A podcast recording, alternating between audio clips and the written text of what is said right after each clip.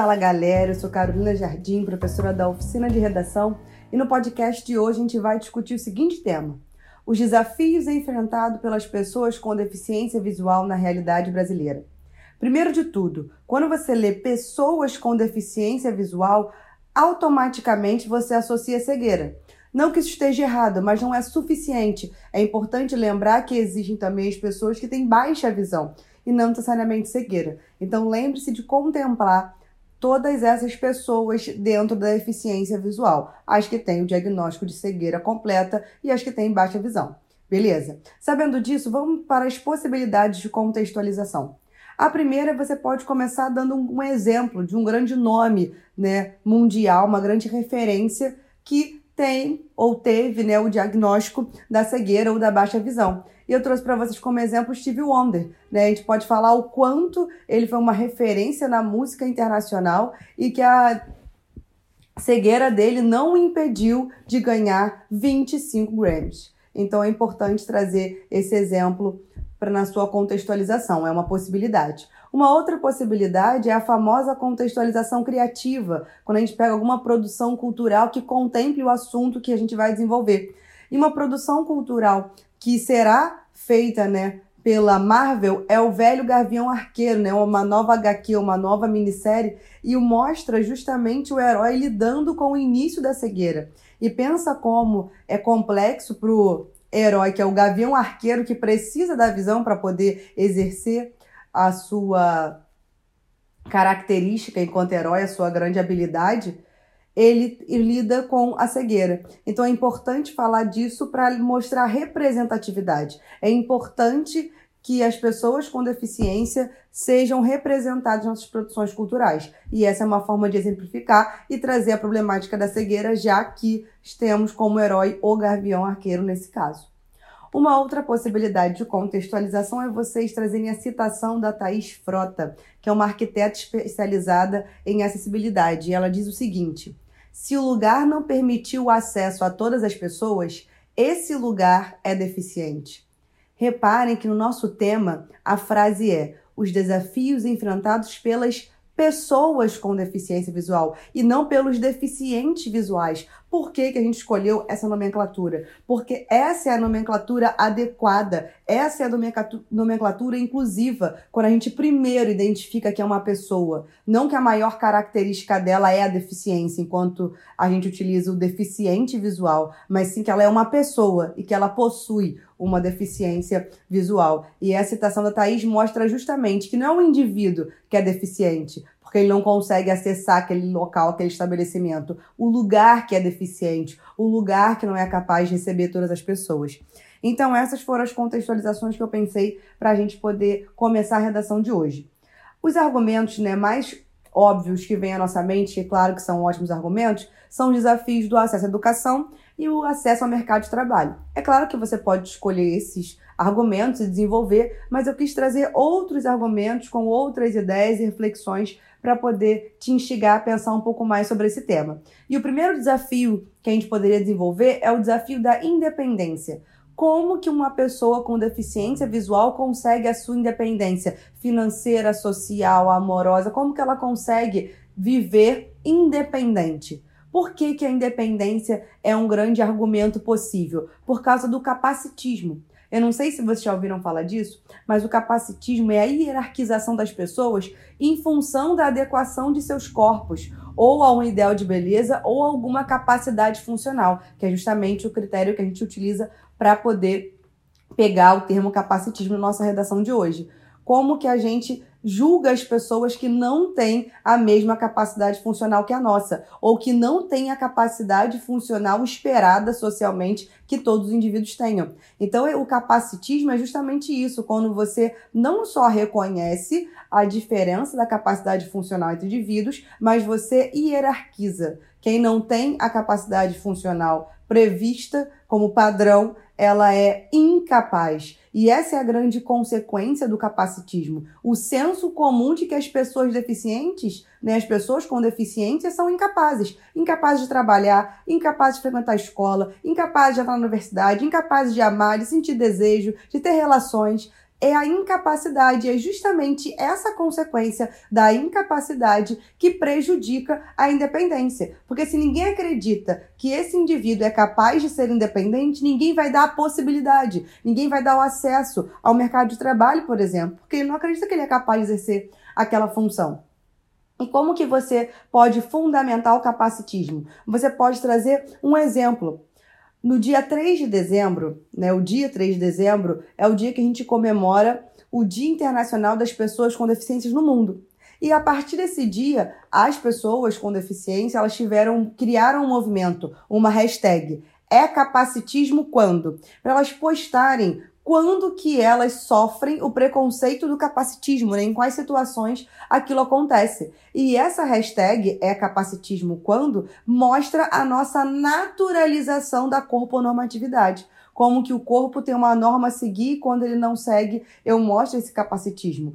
E o interessante é pensar como a gente naturalizou que a gente não consegue nem perceber que a gente faz isso. E tem uma tirinha, o Melhor Uma Charge, que ela mostra justamente isso. Vejam se vocês conseguem visualizar o, a tirinha que eu vou descrever para vocês. É uma cena em que eu tenho cinco personagens. No meio, eu tenho uma mulher que não tem os braços e está digitando no computador com o auxílio de uma caneta na boca, igual alguns artistas fazem, né? Pintores que utilizam os pincéis com o apoio da, dos lábios para poder fazer as suas obras. Essa é a cena. Aí, na esquerda dela, nós temos dois homens. E eles falam: incrível, parece milagre, né? Ela conseguiu utilizar o computador. Na direita tem duas mulheres. Uma fala: é inacreditável o que eu estou vendo. E a outra pensa: pensei que ela não seria capaz para tal tarefa. E a pessoa com deficiência pensa né, naquele balãozinho de fala de pensamento. Um dia eles vão se acostumar que não somos ET. O que, que isso mostra? Que a questão não é, ah, mas eu estava falando aquilo porque eu reconheço o esforço. A questão não é essa, a questão é quando isso passa de um reconhecimento, né, de uma felicidade, uma empatia e vira o capacitismo e vira, caramba, como que eles podem fazer isso? Isso é surreal para eles. Por quê? Isso faz com que você esteja partindo do pressuposto que eles são incapazes. Então, o capacitismo é naturalizado porque a gente nem percebe que a gente faz isso. Uma forma de você conseguir perceber um pouco mais do capacitismo é, são as Paralimpíadas, por exemplo. Quando as Paralimpíadas começaram, a gente ficou muito mais surpreso como que aqueles indivíduos conseguiam ter um sucesso no esporte tão absurdo e fazer um ter um rendimento muito alto, sendo um esportista, um atleta profissional. Só que hoje a gente já se acostumou com as Paralimpíadas, então a gente não acha que é surreal como a menina da Charge diz, né? Eu não sou um ET, eu sou capaz de praticar esporte, eu sou capaz de fazer tudo. Então a gente consegue enxergar ali como, de fato, atletas que se esforçaram e superaram as suas barreiras, assim como todos os atletas têm barreiras, e conseguiram chegar nas Olimpíadas. Isso mostra um pouco de como a gente já consegue enxergar o potencial das pessoas com deficiência dentro do esporte. Mas isso não é, não é uma realidade em outras áreas da sociedade. E para fundamentar de maneira transdisciplinar esse argumento, vocês poderiam falar do livro O Ensaio sobre a Cegueira de José Saramago, que fala da cegueira branca, que é uma metáfora para uma cegueira social, não um diagnóstico clínico de cegueira ou de baixa visão, mas que de fato nós somos cegos em relação ao outro. Tanto que conforme as pessoas no livro vão ficando com essa cegueira branca, elas começam a se comportar como os instintos naturais, como animais na hora de se relacionar, em relação ao sexo, em relação à alimentação. Então a gente começa a ver que a nossa cegueira social faz a gente perder o critério de sociedade, de cidadania, de relações sociais, de responsabilidade e entra num, num, num processo de viver pelos instintos animais e não pensando na nossa humanidade. Então você pode fundamentar com o ensaio sobre a cegueira e partir para o segundo argumento, que seria o segundo desafio. O segundo desafio que eu pensei é a inclusão social, a dificuldade de incluir as pessoas com deficiência. E nós temos duas causas básicas: falta de acesso à educação. Aqui eu nem quero entrar no mérito da educação formal, que claro que é um problema e claro que é um argumento, como eu disse no início do podcast, mas o acesso à educação a, por exemplo, saber braille. Por quê? A causa que eu trouxe para vocês da falta de inclusão social é falta de acesso à educação e à cultura. Uma forma da gente dar acesso à cultura às pessoas com deficiência visual é disponibilizando a cultura através do braille. Só que se ela não souber o braille, o que, que adiantou? Não adiantou. Então é importante eu dar ao mesmo tempo o acesso à educação, que no caso desse argumento específico é o aprendizado do braille, e o acesso à cultura. Como que você consegue fundamentar essa exclusão social por causa da falta de acesso à educação e à cultura? O nosso Plano Nacional de Educação dizia o seguinte: 100% dos aparelhos culturais devem ser plenamente, plenamente acessíveis até 2020. Queridos, se vocês fizerem um raciocínio indutivo e olharem para a volta de vocês e verem quais aparelhos culturais são acessíveis, a gente consegue perceber que a gente está longe de atingir esse 100%. Então a gente consegue perceber que nós deveríamos ter 100% dos aparelhos culturais acessíveis e isso não é uma realidade, é uma prova de exclusão social a gente também precisa lembrar que o ser humano tem mais do que um sentido. A visão não é o único sentido que permeia o ser humano. Nós temos cinco sentidos. E a gente sabe muito bem quando a gente tem perda da, da visão, principalmente é, na infância, né, até os 10 anos, isso aguça a audição, por exemplo. Então, eu poderia utilizar como estratégia de inclusão outros sentidos para poder fazer aquele indivíduo ter acesso à cultura e acesso à educação. Aqui vocês poderiam até colocar metaforicamente a figura de linguagem da sinestesia, que fala justamente isso, que ela usa vários sentidos um dos nossos cinco sentidos, ela mistura dois, três, quatro sentidos para poder se expressar melhor. Então, olha como a sinestesia mostra pra gente que não a vida não é limitada a um sentido. A vida não é limitada só à visão ou só à audição, só ao tato, mas quando você mistura os sentidos, você consegue uma maior expressividade. Você pode ilustrar isso que uma estratégia de inclusão poderia ser justamente utilizar os outros sentidos quando as pessoas têm algum tipo de deficiência que afete o sentido, como é o caso da cegueira e a baixa, de, e a baixa visão.